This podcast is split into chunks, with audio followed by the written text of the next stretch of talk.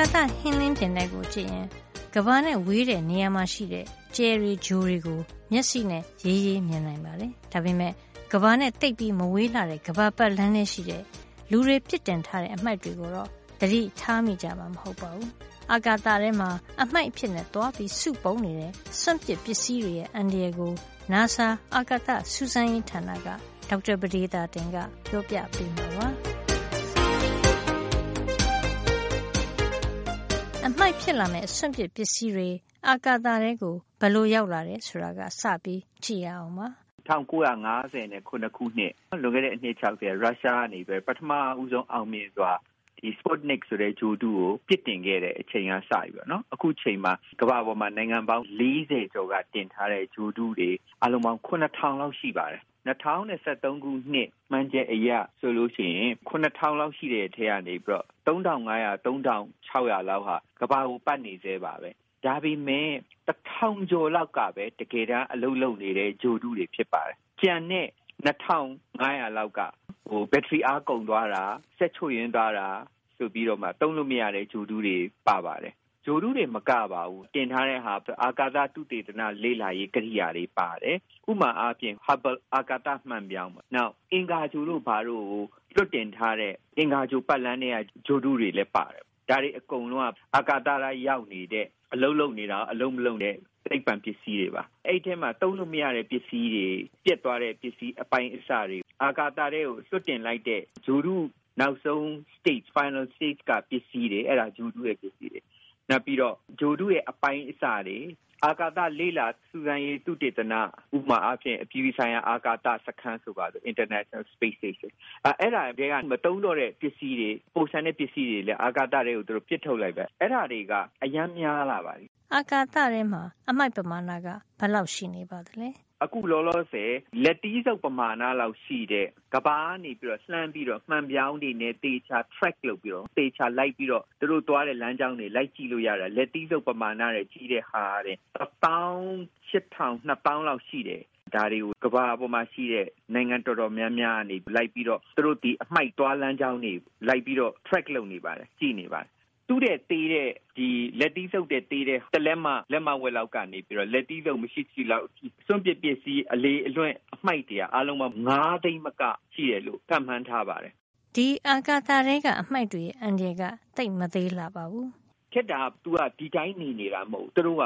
ကဘာပတ်လန်းကြောင်းထဲမှာ ပတ်နေတဲ့အတွက်ကဘာအထက် မိုင်200နဲ့ မိုင်900ကြားလောက်မှာ ပတ်နေတဲ့ဟာမှာ သူ့ရဲ့အချိန်က တနာရီကို မိုင်18000လုံးနဲ့လဲပတ်နေပါတယ် အဲ့တော့တစ်ချိန်ကြာလို့ရှိရင်တော့ကဘာဆွဲအားနဲ့ တဖြည်းဖြည်းကဘာလေးထုတွေရဲ့ မိုင်200အောက်ကို ရောက်လာတာနဲ့ သူကကဘာကိုပတ်ပြီး ပြန်အကြမှာ တော်တော်များများကဘာလေးတူတဲ့ကမြူမုံနေနဲ့ တိုက်ပြီးတော့မိလောင်ပြီးပြက်ကျသွားပါတယ် ဒါပေမဲ့ အားလုံးလောင်ကျွန်းမသွားဘဲနဲ့ကဘာပေါ်ကိုပြန်ကျလာတဲ့အပိုင်းအစတွေလည်းရှိပါတယ်အဲ့တော့ပြန်ကျလာတဲ့အပိုင်းအစတွေကဒူးတယ်ကြီးပြီးအရှိန်ကြီးမှစွာနဲ့အောက်ကိုပြက်ကျတဲ့အတွက်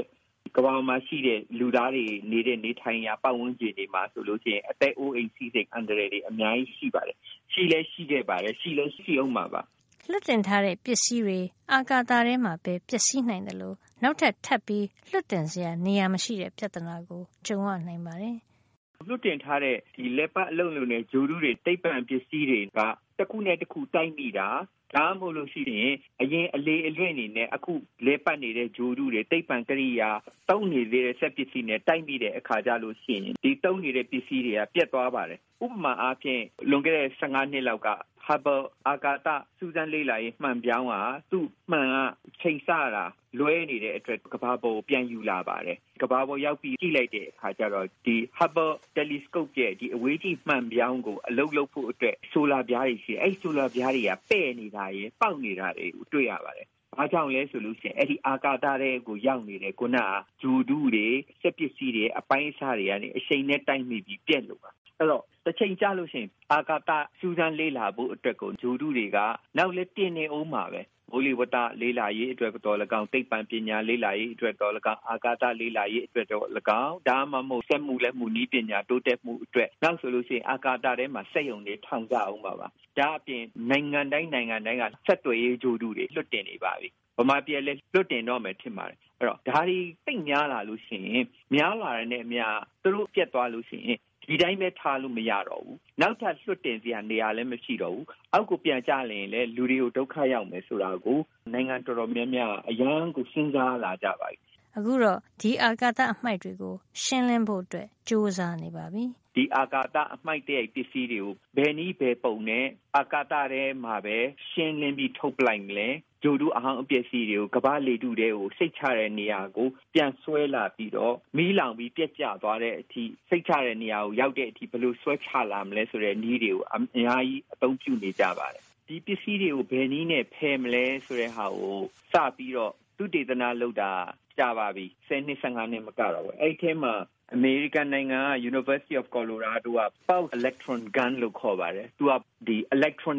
အင်အားပေါင်းများများစွာနဲ့ပြက်နေတဲ့ဂျိုတူတွေ အစိတ်ပိုင်းတွေကို သူလှမ်းပြီးတော့ပြစ်လိုက်ပြီးတော့ အဲ့နေရာကနေပြီးတော့မှ သူအရှိန်နဲ့ အောက်ကို ပြန်ထိုးကျသွားအောင် ဖြုတ်တဲ့နည်းကို သူတို့အခု စဉ်းစားနေပါတယ်။ European Space Agency ကလည်းဒူးတဲ့တိတ်ကြီးတဲ့ဂျိုတူအဟောင်းတွေကို သူတို့လှမ်းပြီးတော့ ဖမ်းယူပြီး ကမ္ဘာလေထု မိုင်200နီးပါးလောက် ဆွဲယူလာပြီး မီးလောင်ပြီးပြက်ကျသွားအောင် လုပ်တဲ့နည်း 2023ခုနှစ်မှာစဆန်းမှာဖြစ်ပါတယ် ဂျပန်အာကာသအေဂျင်စီ JAXA လည်း ဒီ electrodynamic နည်းနဲ့တန်လိုက်စက်ကွင်းနဲ့ညှို့ပြီး အဲ့တန်တဲ့တွေကို ရအောင်ဆွဲယူလိုက်ပြီးတဲ့အခါကျတော့မှ လွှတ်ချလိုက်မှာပေါ့နော် တချို့ကြတော့လေဂျိုဒူအဟောင်းတွေကို မှိန်းနဲ့ထိုးလိုက်မှာနောက်ဂျိုဒူတစ်ခုကနေ သူ့ကို လမ်းကြောင်းမှန်တဲ့နေရာကို ဆွဲယူသွားပြီး ပျက်စီးသွားအောင်လုပ်တဲ့နီးအာ နောက်တနည်းက ပိုက်ကွန်ကြီးတွေနဲ့ မိုင်90 100လောက်ရှိတဲ့ ပိုက်ကွန်ကြီးတွေနဲ့တည်သွားပြီး တနေရာကြတော့မှကဘာပတ်လန်းကြောင်းနဲ့မီးလောင်ပြီး ပျက်စီးသွားတဲ့အထိ ရောက်သွားဖို့အတွက်ကို သူတို့စူးစမ်းနေကြပါတယ် ဒေါက်တာပရိသတ်တင်းရဲ့ ပြောကြားချက်နဲ့ပဲ ဒီသတင်းပတ်အတွက် သိပ္ပံနဲ့နည်းပညာကဏ္ဍကို ဒီမှာပဲညှနာလိုက်ပါရစေ နောက်တစ်ပတ်မှာ ပြန်ပြီးဆုံရအောင်